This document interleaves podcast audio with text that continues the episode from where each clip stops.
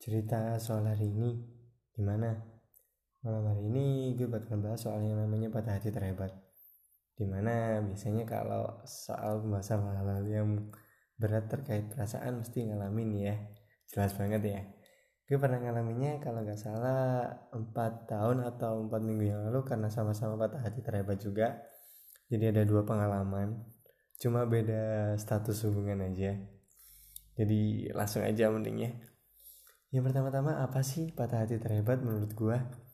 Patah hati terhebat menurut gua itu adalah salah satu kejadian di mana kita putus atau kita mengakhiri suatu hubungan dan kita berpikir bahwa kita nggak bisa melangkah lagi kita nggak bisa ngebuka hati lagi atau mungkin kita udah ngejudge diri kita bakalan nggak berguna. Itu menurut gua.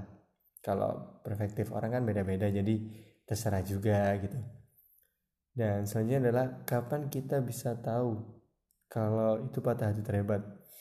Kalau dilihat dari waktunya kapan itu pak kapan itu patah hati terhebat kapan itu patah hati biasa bisa dibandingin kayak gini. Kayak perasaannya aja kayak perasaannya aja gitu. Misalnya nih kalau kita lagi patah hati terus kita mikir halah ya udahlah besok juga nemu yang lebih. Itu cuma patah hati biasa. Tapi beda lagi kalau yang kayak gini. Halah udahlah putus. Paling bentar lagi bakalan nemu dan nyatanya nggak nemu. Dan terus kepikiran buat cari dan cari terus dan terus untuk berambisi kayak ngelupain secara paksa dan gak bisa ikhlas. Itu adalah patah hati terhebat. Itu menurut gue lagi. Perspektif orang beda-beda kan gue lagi kan.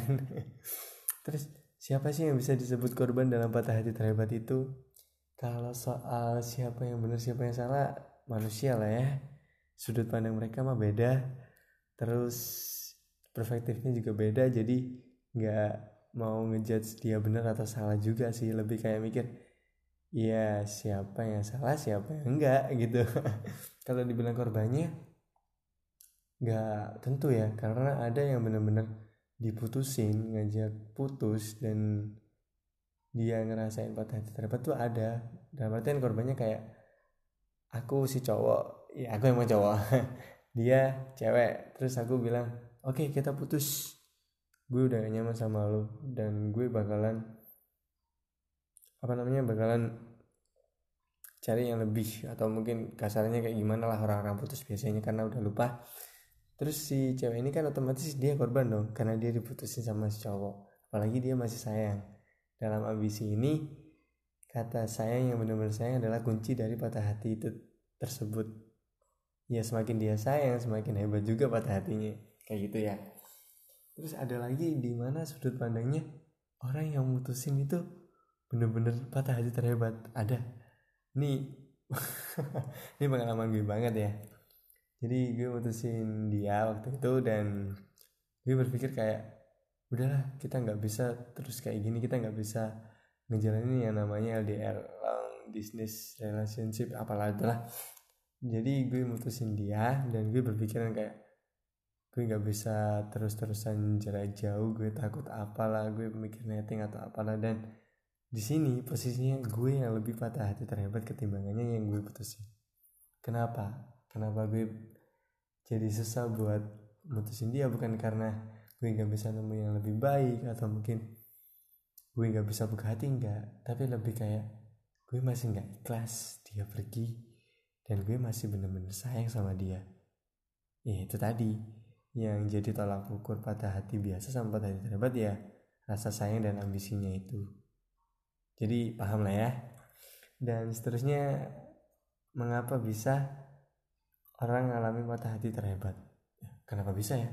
Padahal hubungannya biasa-biasa aja lama-lama aja dan kalaupun putus ya udah putus nggak ada kata-kata patah hati terhebat. Kalau alasan sendiri kenapa orang bisa ngerasain patah hati terhebat? Ya itu mungkin karena karena terlanjur sayang banget.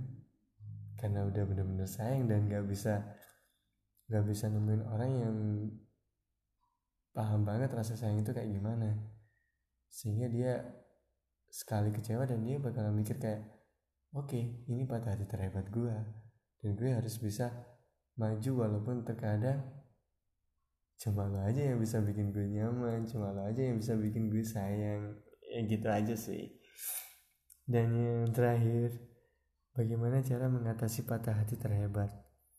Kalau sepengalaman gue yang gue jalanin sebetulnya ada dua dua cara yang bisa kalian praktekin untuk patah hati terhebat. Kalau yang pertama cara ngatasinya tuh kalian harus cari pelampiasan. Iya terdengar kayak kasar sih tapi ini cara paling jitu. Di mana kalian gak butuh waktu kalian cuma butuh kayak seseorang yang benar-benar mau dan berjuang atau mungkin berkorban buat kita dan kita nyaman udah itu cara ngatasi patah hati terhebat yang pertama.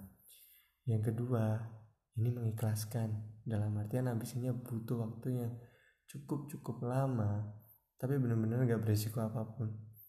Gak nyakitin pihak lainnya gak nyakitin perasaan lo dan gak maksa perasaan lo untuk ngebuka buat orang lain. Itu cara mengikhlaskan. Emang yang baik di dunia tuh gak bakalan enak-enaknya gak sih jadi cuma itu aja yang bisa aku sampaikan malam ini.